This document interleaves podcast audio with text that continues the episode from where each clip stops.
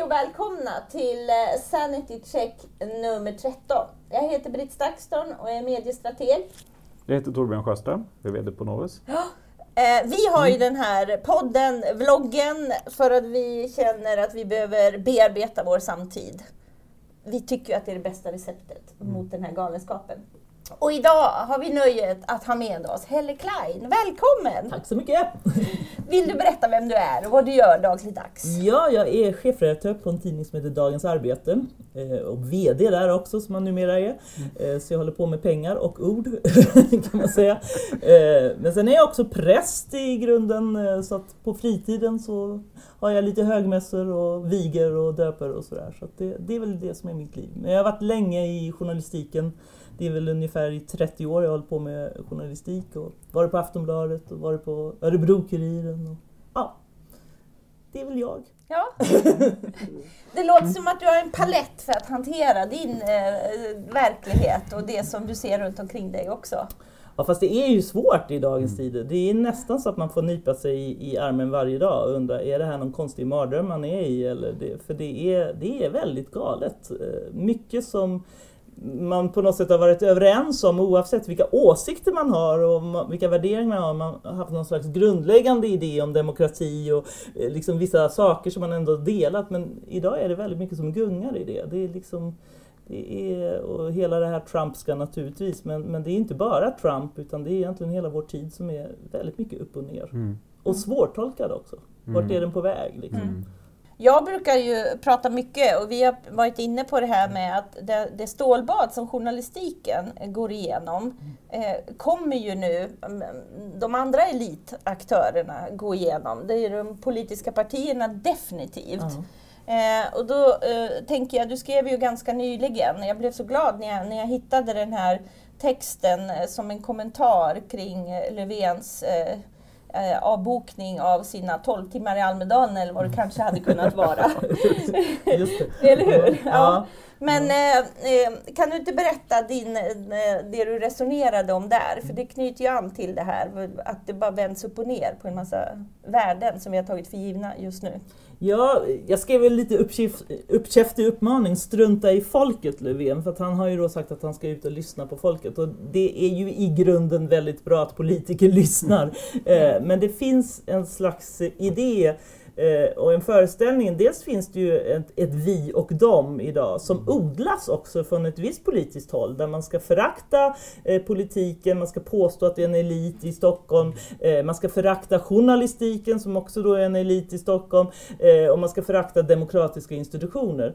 Eh, och, och det är en väldigt far, jag tror att det är en jättefarlig utveckling. Eh, sen med det sagt så måste vi alla som tillhör då de här olika delarna i samhället idka självkritik. Nämligen att hur fungerar vi och vad, vad, kan vi, har vi en förmåga att att eh, spegla verkligheten idag och diskutera det som är reella problem. Men när man liksom slängigt försöker säga att man istället för att vara i Almedalen ska man ut och lyssna på folket. Den motsättningen är en Trumpsk världsbild som jag är jätterädd för. Ja. Eh, och, eh, och för att förlängningen blir i grunden att man säger ungefär som Trump säger, de i Washington, de är eliten, de har inte förstått något, politiken kan man inte lita på, eh, medierna kan man inte lita på. Och då har man undergrävt förtroendet för det som är demokratin och demokratins institutioner. Nu menar jag inte att Löfven har gått hela linjen ut, men, men jag är rädd för retoriken. Ja, det är en Eh, samtidssignal. Ja, det är en man- samtidssignal ja. som jag inte gillar och det finns mycket sådana samtidssignaler. Eh, Socialdemokraterna ska ju snart ha kongress och det är mycket sådär batong socialdemokrati nu. Det är hårdare tag mot brottslighet, det är mer pengar, pe- ja, mer pengar till försvaret. Och det är liksom en planhalva som traditionellt har ansetts vara högerns planhalva. Ja, alltså, jag, för jag såg Ja. lite, det var ju nå- något tweet från någon, någon eh, sakkunnig som, som radade upp allt här. Ja. Men herregud, är det, oj, det, det var en socialdemokrat. Ja. För det såg precis ut som en, en moderat. Det skulle kunna ha varit det egentligen. det, var, det blev väldigt konstigt. Ja. Vi hänger ju inte med i de här svängarna. Nej, Det, Nej, och där är det också, för, för det finns ju också en idé när man till exempel ibland eh, ibland kan man tycka då när politiker säger vi måste ta folks oro på allvar. Mm. Ja, då har ofta det underförstått handlat om att man är orolig för att vi tar in eh, flyktingar eller Mm. invandrare. Men om man ser i mätningar så är folk väldigt oroliga för rasismen. Eh, man är orolig för växande främlingsfientlighet och det, Mm. den oron måste ju politiken också ta på allvar. Mm. Eh, och sen finns det eh, samhällsproblem som är reella. Alltså hur, hur, hur fungerar arbetsmarknaden? Hur, jag menar, arbetslösheten är skrämmande hög bland nyanlända till exempel. Och hur fungerar integration, bostadspolitik, ekonomisk politik? Det är ju reella ämnen som man måste diskutera. Precis, och jag tror att man blandar ihop att ta, ta folks oro på allvar betyder att man ska lyssna på oron, inte Ja. förstå varför man Nej. är orolig, vilket är två helt olika saker. Exakt! För att Ja. oron just nu är, är extremt tvetydig. Mm. Eh, för när vi, när vi frågar vad man är orolig för så svarar man nästan ingenting att ens barn blir sjuka, att man själv blir arbetslös. Man är rädd för krig, man är rädd för terrorism, man är, man är rädd för invandringen. Mm. Men det är ju inte invandringen som sådant utan de effekter den har på samhällspåverkan. Mm. För att det har målats upp som någon form av stort symptom på en stor sjukdom, att alla pengar går dit och Mm. pengarna behövs precis överallt annars. För det var ju väldigt retoriskt viktigt att sätta att pengarna var slut Ja, för, för, under valrörelsen. Så, och, så då bekräftar man ju Mm. den här orosbilden. Men det konstiga är att vi inte är rädda för vår egen del, vi är rädda för alla andra. Mm. Fast att, att alla andra är 3% av svenskarna Det, eller det är en 5 ställföreträdande oro på något sätt. eh, Ja men och- precis. Och den tror jag, om man då också... För, för, för det finns ju, jag menar, dels måste man ju i samhällsanalysen säga, vad är, för, för det finns ju en paradox, särskilt för de som är socialdemokrater och Mm. sitter i regering, så är det en paradox, för väldigt mycket pekar åt rätt håll. Mm. Vi har en växande stark ekonomi, vi har en arbetslöshet som sjunker, vi får liksom Mm. högsta betyg i väldigt många internationella mätningar, Mm. allt i ett väldigt både ett tryggt samhälle och ett bra Mm. samhälle. På men ändå upplever folk att det går åt fel Mm. håll. Eh, alltså Precis. att man inte känner trygghet, man känner inte framtidstro. Man känner... Men då är ju frågan, vad är det folk svarar på där? Mm. Eh, Och det vet ju jag. Ja, vad roligt!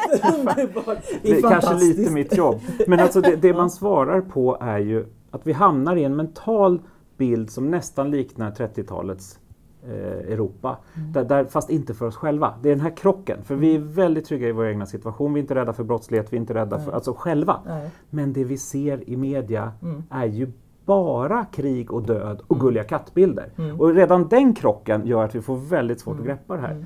Eh, mediadygnet finns inte längre utan allting är här och nu. Allt är direktsändningar. Mm. Allting är Just det. det blir aldrig sammanhang, det Nej. blir aldrig perspektiv. Precis. Utan det blir panik. och aldrig faran över. Vilket gör att vi hamnar i någon form av lågintensivt undantagstillstånd för alla andra än oss själva. Man är Det- fight mode hela tiden. Exakt, Just det. Och, och, vi känner, och, och det här går inte att skydda sig från.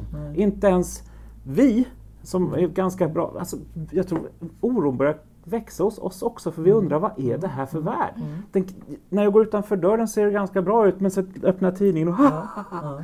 Och- Sen, är det ju, sen finns det ju en påtaglig, jag, jag skriver ju på en tidning som går ut, det är Industriarbetarnas Mm. tidning. Mm. Eh, och det har skett en enorm omvandling på arbetsmarknaden på de Mm. senaste 10-15 åren. Eh, och där vi, där vi ser att osäkra anställningar, Mm. pressade, slimmade arbetsorganisationer, så kallade eh, korta anställningar, Mm. man rings in för några timmar och, sen, och usla arbetsmiljöer. Och det är unga människor.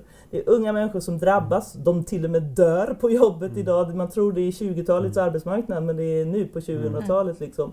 Och den, den tror jag, den grundläggande känslan av att ingenting är långvarigt Mm. längre. Mm. Allt är väldigt kort. Eh, Mm. Jag kan ha jobbet till imorgon. Mm. Eller jag kan, Mm. alltså, den tror jag i sig har skapat en otrygghetskänsla. Även om man Mm. inte svarar på att jag kommer drabbas av något inbrott Mm. imorgon. Och så. Men det Mm. finns en, en, att det är på mig det beror hela tiden. Det Mm. finns inget samhälle som stöttar upp mig Nej. om jag skulle förlora jobbet. Mm. eller om jag, alltså, och där har ju jag menar, försämringarna, sjukförsäkringen, a-kassan som var Mm. jättedålig ett tag. Allt det där plus att man har ett samhälle där man också har sett att det finns en del korruption i de här Mm. upphandlingarna Mm. som skett.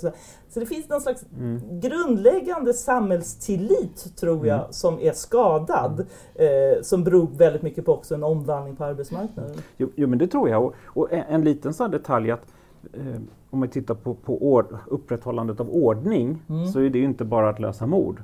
Och, och, att, att, att vi ser att en krockad bil står kvar en korsning i två veckor. Just det. Den bryr sig. Förstärk, Ja. ja, exakt. Att man tror att allting ramlar rakt igenom. Ja. Och, och jag tror också, och sen en, en del är här att den gruppen du beskriver är det är en växande grupp, Mm. men den är förhållandevis liten Mm. utifrån majoriteten av Mm. svenska folket. Men, men, men den gruppen tror att de är många fler än vad de är. Mm. Och att de inte hörs. Mm. För de har hamnat i någon form av medial Mm. blind fläck. Mm. Men de tror att de är en Mm. majoritet. Mm. Och att det är ungefär för- i Trumps ord, movementen. Mm. Mm. Eh, och och där, där, där man inte ens erkänner att globalisering haft en negativ inverkan eller att finanskrisen ens har existerat. Mm. Så det blir Och krockar. där, och där måste man ju då säga att, jag menar jag är en stor vän av EU till exempel, Mm. EU-projektet, men alla, alltså man måste ju se självkritiskt där att, att vi, alltså baksidan av globalisering, baksidan Mm. av det som har varit överstatlighet och annat har vi inte pratat tillräckligt Mm. mycket om. Alltså Mm. vi har inte fångat upp den och då Mm. istället blir nu pendeln nationalism, Precis. protektionism, Mm. inskränkthet, Mm. vilket är helt förödande. Så. Mm. Men, men just alltså där måste man hitta kan man hitta den sunda globaliseringen? Mm. Kan man hitta det sunda EU-projektet Mm. som bygger på ett socialt eh, godtagbart liksom, överstatlighet eller övernationellt? Liksom. Mm. Det, det tror jag är helt Mm. avgörande. Men, men är det inte också att det måste ha blivit så svartvitt allting? Jo. Alltså i det publika rummet så är, det, an- är du inte för så är Mm. du emot. Mot. och till exempel är du inte antirasist. Mm. Alltså, Då är du Då är rasist. du rasist, Ja, vilket ja. jag försökte förgäves förklara någonstans. Ja. Att antirasisten är inte... Att icke vara rasist är en normal människa. Ja. Ja, men det, är finns sant, det, det, ja, det är någon slags pubertalt samhällsklimat. Det är Ja. liksom antingen eller hela tiden. ja. Eh, Och då blir det ju svårt att Och kunna... livet är ju inte så. Nej. Det är ju mycket mer Ja. eh, och, och liksom komma bortom Mm. bara det här lilla finjusterandet men kunna peka framåt i det här läget. Och då Mm. undrar jag, när du pratar om att det har ruckats en massa, om hur ska politiken, hur, hur ska man förmå bryta det här? Mm. Och när man hela tiden får leverera på en massa spelteorier, Mm. Mm. Eh, hur ska man kunna vara den här bryggan över, Mm. även för den här gruppen? För att även om de är en minoritet eh, Mm. som upplever sig vara i majoritet, så är de också, en stor grupp av dem är ju väldigt digitalt starka Mm. och synliga Mm. i debatten och Mm. driver den åt det Mm. svartvita. Mm. Hur ska man bli den här bryggan över? Vem vågar bryta spelteorierna Mm. och ha en vision? Mm.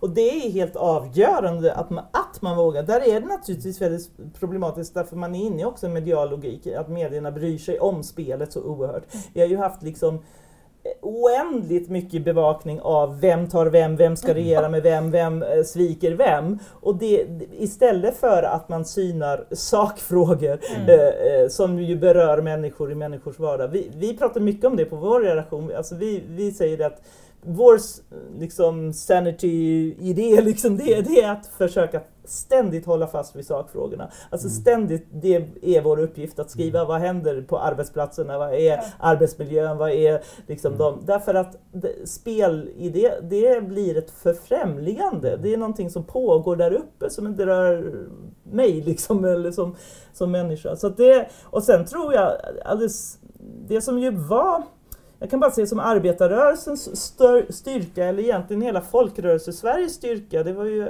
alla, vi är ju en nation av folkrörelsebygge. Och det var nykterhetsrörelse, det var frikyrkorörelse, det var arbetarrörelse, bildningsrörelse. Men det som var förmågan där, det var ju att vända människors oro, det vill säga nästan alltså, saknaden av det som har varit, oron för det där nya, till en längtan efter det nya. Mm. Det vill säga en längtan av att få vara med och bygga det nya. Ja. Det var storheten.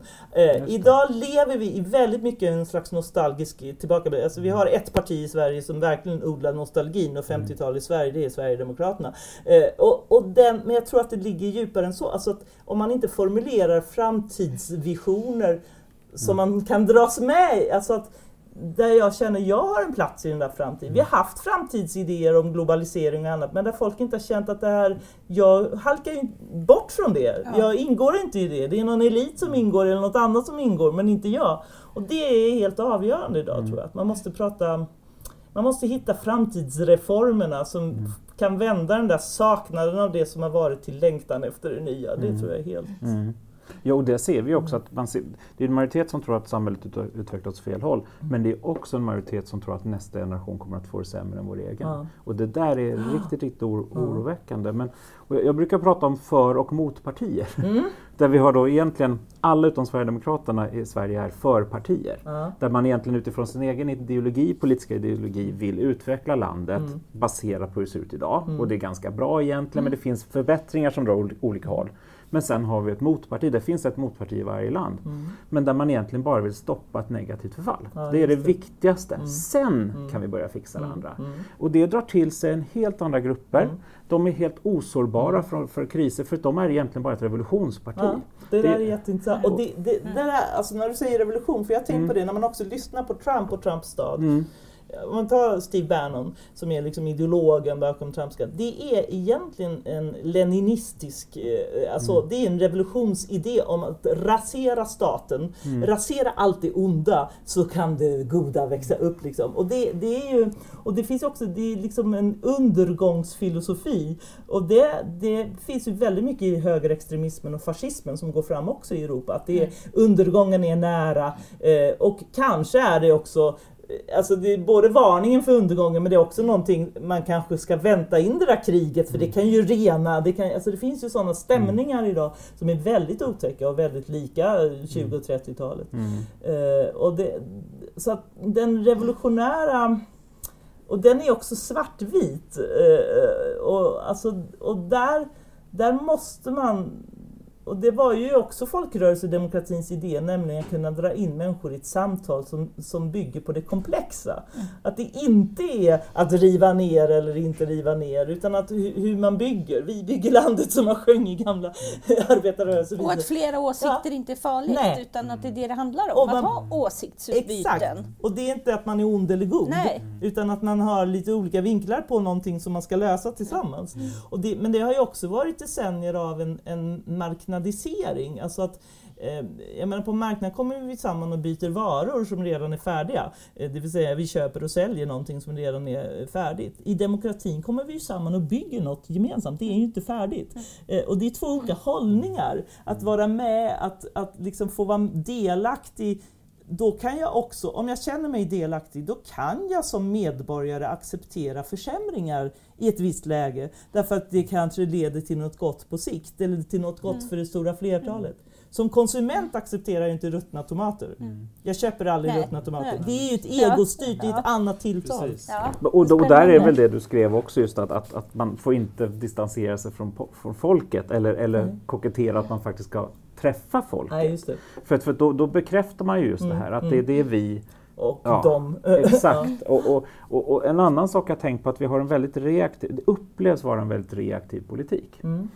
Och den blir ju det i och med att man måste matcha media. Mm, mm. Och media är här och mm. nu breaking news, det har hänt mm. någonting någonstans och mm. politi politiken, politiken måste svara på det. Mm. Men då hamnar vi i ett läge där man inte styr själv. Mm. Till, till, exempel gränskontrollerna var ju väldigt tydligt när, när, regeringen sa att det var Migrationsverket och polisen som var anledningen till ja. gränskontrollen. Det kan väl vara försök, ett försök kortsiktigt försöka försvara sig mot det här anstormningen av ett, ett, egentligen ett jätteosocialdemokratiskt beslut. Ja. Men det blir ju att man inte styr. Ja. Och, och, där har vi ja. nog ett ganska stort problem för då och kan vi heller inte acceptera... Det där är intressant. Ja. Alltså den hösten 2015 den är ju väldigt intressant tycker jag. För att i början av hösten när bilderna från flyktingkatastrofen, den lilla kurdiska pojken som spolas upp mm. på, på, på eh, stranden. Då växer ju ett enormt engagemang. Mm. Också politiskt. Stefan Löfven står och håller tal på Medis mm. och, och, verkligen vädjar till alla solidaritet. Och det är solidaritetsgalor och det sänds i TV. Vi samlar in mer än någonsin. Och just då sjunker faktiskt SDs opinion. Mm. Alltså det, de mm. börjar backa för första gången på länge. Liksom. Sen, kommer hela, sen är det naturligtvis ett enormt tryck. Det, ska man inte, alltså det, är, det är en speciellt eh, naturligtvis svår situation när alla dessa flyktingar kommer samtidigt. Men då börjar politiken prata om systemkollaps. Mm. Och då, då stiger SDs opinionssiffror. Då blir det ju plötsligt en mm. helt annan eh, världs... Då blir, bekräftar man att det här är inget vi klarar av, det här, blir, eh, det här är flyktingarnas fel, det här är bababa. Och, och det, ja, för mig är det oförlåtligt att politiken använder retoriken mm. systemkollaps när det faktiskt inte var det. Nej. Sen att däremot så kunde politiken ha bjudit in och sagt det här är oerhört svårt just nu och vi behöver göra det och det och vi vädjar till att, att man kan behöva offra det eller man kan, det här är svårt, vi mm. behöver er hjälp. Mm. Men att säga att nej, nu ska vi stänga alla gränser för att vårt svenska samhälle håller på att falla ihop. Det är ju ren mm. Och, där, och där skapades det ju otroligt mycket eh, frustration, eh, eh, jätteutbrett eh, politikerförakt. Ja. Alltså jag har ju träffat människor som, jobbar i, som jobbade i kommunen under den här perioden. Mm. Som, de fick ju gå i terapi. De, fick ju, de behövde ju gråta över det som man hade varit med om. Och eh, så träffade de aktivister som mm. klev fram och gjorde någonting. Mm. Och sen har vi ju mm fantastiska mm. exempel där man såg i Göteborg där mm. man satte igång Welcome-rörelsen mm. där och som sen överlämnade till staden. För mm. man var inte så snabb Nej. från stadens Nej. sida. Mm. Eh, och, och, det stora problemet var ju att man inte vågar tänka två tankar samtidigt. Att ha eh, öppna gränser men också inse att det blir problem ja. och att våga prata om dem. Och, och då gör man lite saker bakom kulisserna som mm. går tvärs emot det som man vill signalera utåt. Och sen gör man den där svängningen. Mm. Och, och, en sak som jag var mest orolig för faktiskt kring mm. hela den här processen var att när svenskar gick man ur huset för att faktiskt hjälpa ja. flyktingar så fanns det ingen förväntan på samhället. Nej.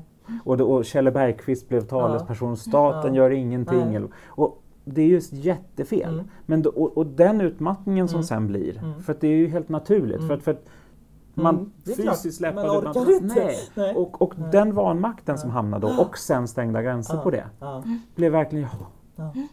Men, och, men fortfarande så är ju det, alltså om du har samlat in 9 miljoner på en vecka med hjälp av vänners vänner mm den kraften, då inser det ju mm. att mm. jag kan, mm. vi kan mm. göra någonting. Och att politiken fullständigt missar alla dessa människor som står på tröskeln till ett livslångt engagemang. Mm. Det är obegripligt. Det är obegripligt. Och det, för mig är det helt obegripligt eftersom politiken är ett barn, framförallt den nuvarande regeringen är ett mm. barn av folkrörelser. Ja. Att, att man inte för, kunde använda det. Jag mm. menar, vi, skrev, vi skrev massa reportage just om hur industriarbetare på sina orter hjälpte till enormt också i flyktingsammanhang och, och, och, och visade också på de positiva motbilder. Och att vi är ju ett land av folk, alltså vi, vi är ju experter på föreningar, mm. vi har våra bygdegårdar och Folkets mm. hus, vi har massa lokaler, stiftsgårdar, kyrkor, Eh, det är liksom, det är ett fantastiskt kapital, ett mm. humankapital som politiken inte använder sig av. Mm. Eh, men,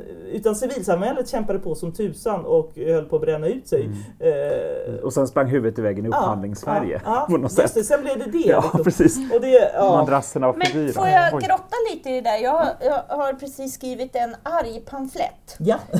och den är liksom så här, riktigt arg eh, och, och vänder sig till civilsamhället och, och, politiska organisationer i relation till att vägra acceptera den här bilden mm. av den här totala handlingsförlamningen, det här totala mm. svartvita. Mm. För det här folkrörelsesverige, det mm. finns det ju finns fortfarande. Ju. Och det håller på idag. Ja. Det är mängder som ja. engagerar sig fortfarande.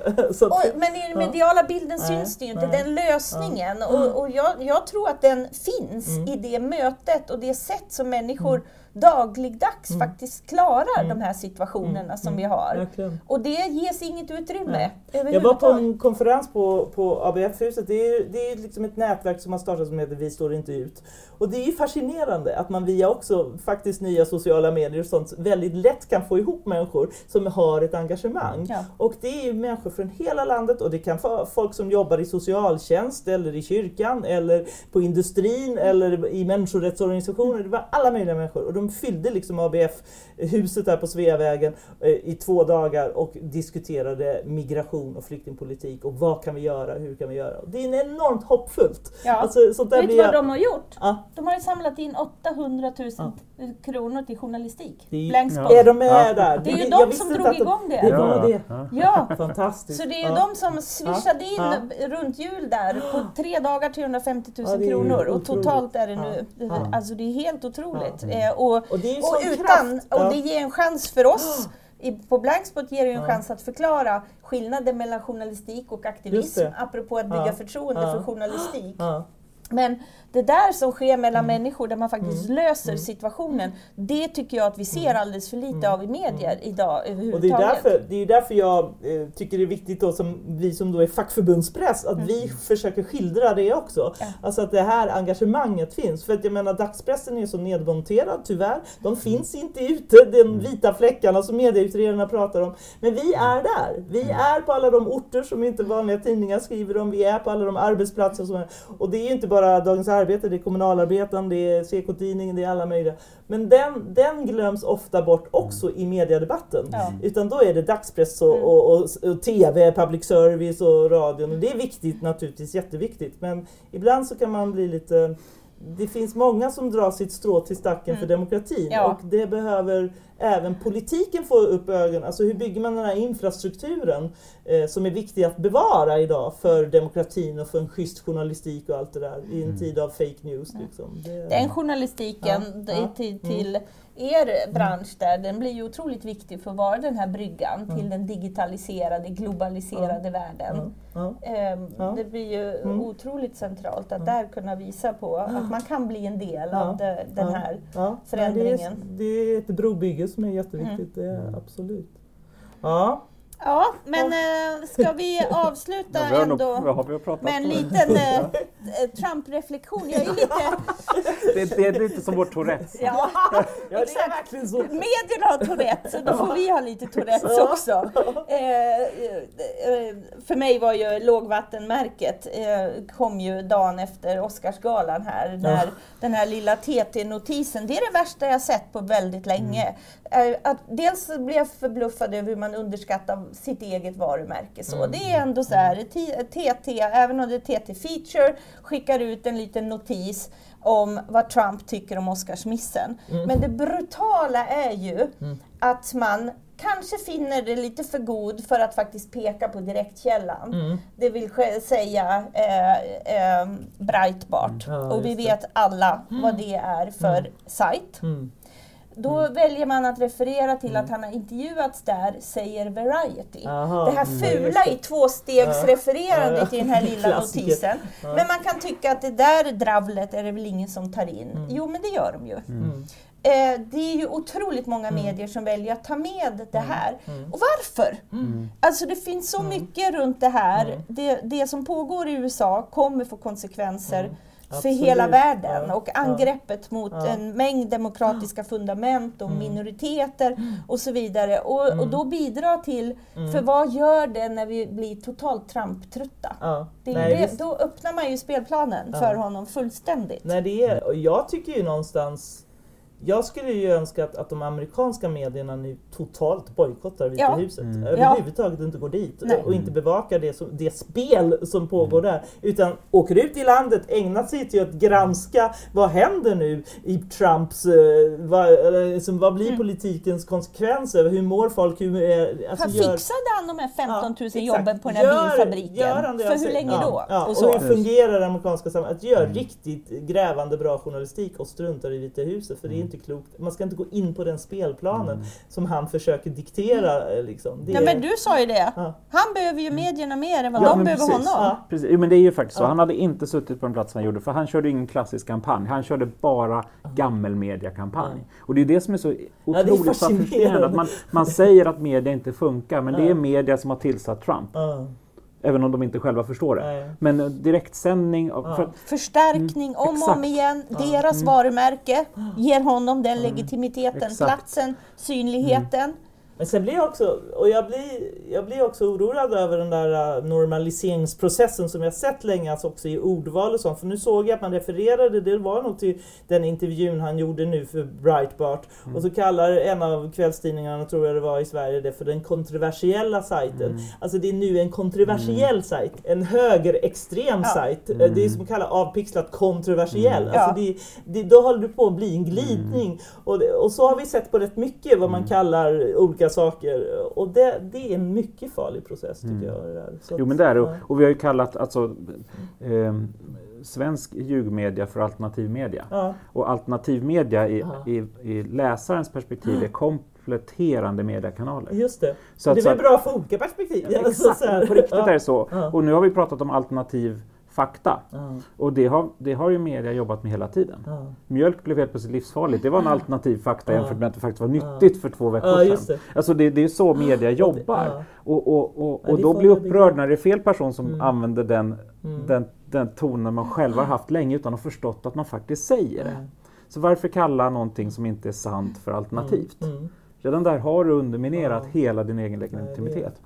Och det är alltså Nej, och risken är, risken är att man går in i detta och, och man kan se det också hur vissa partier använder sociala medier och sånt, att man liksom får en, ett tonläge i, i en debatt som, som bara blir skitdebatt. Alltså det är negativ campaigning liksom. Och då föder ju det ännu mer politikerförakt och till slut så har man liksom avskärmat sig från det där. Och, eh, och det, jag menar man, egentligen kan man, och det har man ju sett in absurdum i USA med hur liksom samhället är segregerat och medierna är segregerade. Man har fin och ful medier liksom och man delar inte världsbild. Det har ju varit en storhet i Sverige att nästan alla haft en morgontidning. Vi har haft ett system där man har haft råd att få sin tidning hemburen. I det har funnits en slags grundläggande, ja vi delar en gemensam världsbild. Sen kan vi ha olika idéer om hur det här samhället ska utvecklas. Men det finns någon gemensam utgångspunkt. Liksom. Så håller, det, håller, det har ju tydligt i senaste valet att vi är redan där. De som röstade på SD har inte tagit del av nyhetsmedier i mainstream media utan de har tagit del av andra eh, nyhetskällor så kallade. Eh, och och det, det där är en jättefarlig utveckling och det här måste man alltså Politiken måste, det, det egentligen är att återupprätta demokratin igen, alltså demokratins institutioner. Och där är journalistiken en sådan som är Mm. jätteviktig. Och det- Jag tror man måste, ja, förlåt, Nej, kör kör. du. Nej, man måste ju verkligen aktivera för jag tror att det också handlar om att eh, de som syns nu, det är ju ytterligheterna. Ja. Men den stora massan Ja. i mitten Just som är det. ganska nöjda.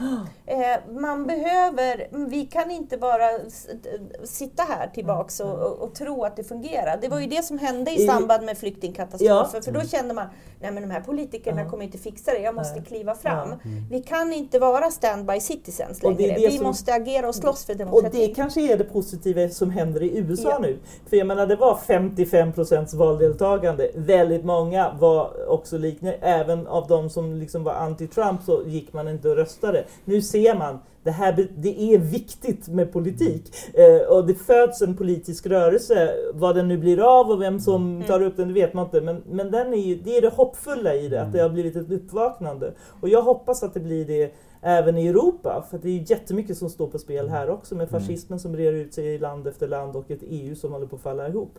Eh, och jag, Så att man lär sig och Ja, för, liksom ja, bryter det ja, istället ja. för att låta den här Exakt, bollen rulla rull- vidare. rull- bara Ja. rull- Som om det är ett öde, alltså Ja, ödesbundet. exakt. Det är det inte. Vi Nej. kan faktiskt Nej, precis. Men, säga precis. Och så är det ju. Men faran är väl samtidigt om vi tittar på de politiska kampanjerna, Mm. att de blir smutsigare och smutsigare. Man kommer undan med lögner för media ser lögner som bränsle i debatten. Ja, och så det- blir det klick och det blir tittare. Exakt, och det, exakt. Ja. Och, och det, det är ju därför valdeltagandet gick ner bland de politiskt intresserade. För att de känner, nej, jag vill inte ha någon av de här. Det gällde Brexit, det gällde, det gällde amerikanska valet. Och, och, så att även om vi får ett politiskt engagemang så kanske det blir utanför politiken för vi har inga starka ledare. Nej. Och i den meningen, där tycker jag Löfven har rätt när han säger att han ska åka ut till Ja. folket. Därför att det är minst lika mycket att faktiskt gå bortom de mediala arenorna. Det vill säga att man faktiskt är också ute i det som är folkrörelsebygget. Att fackföreningar, kyrkor, eh, andra sorters föreningar, alltså att, och, och, alltså,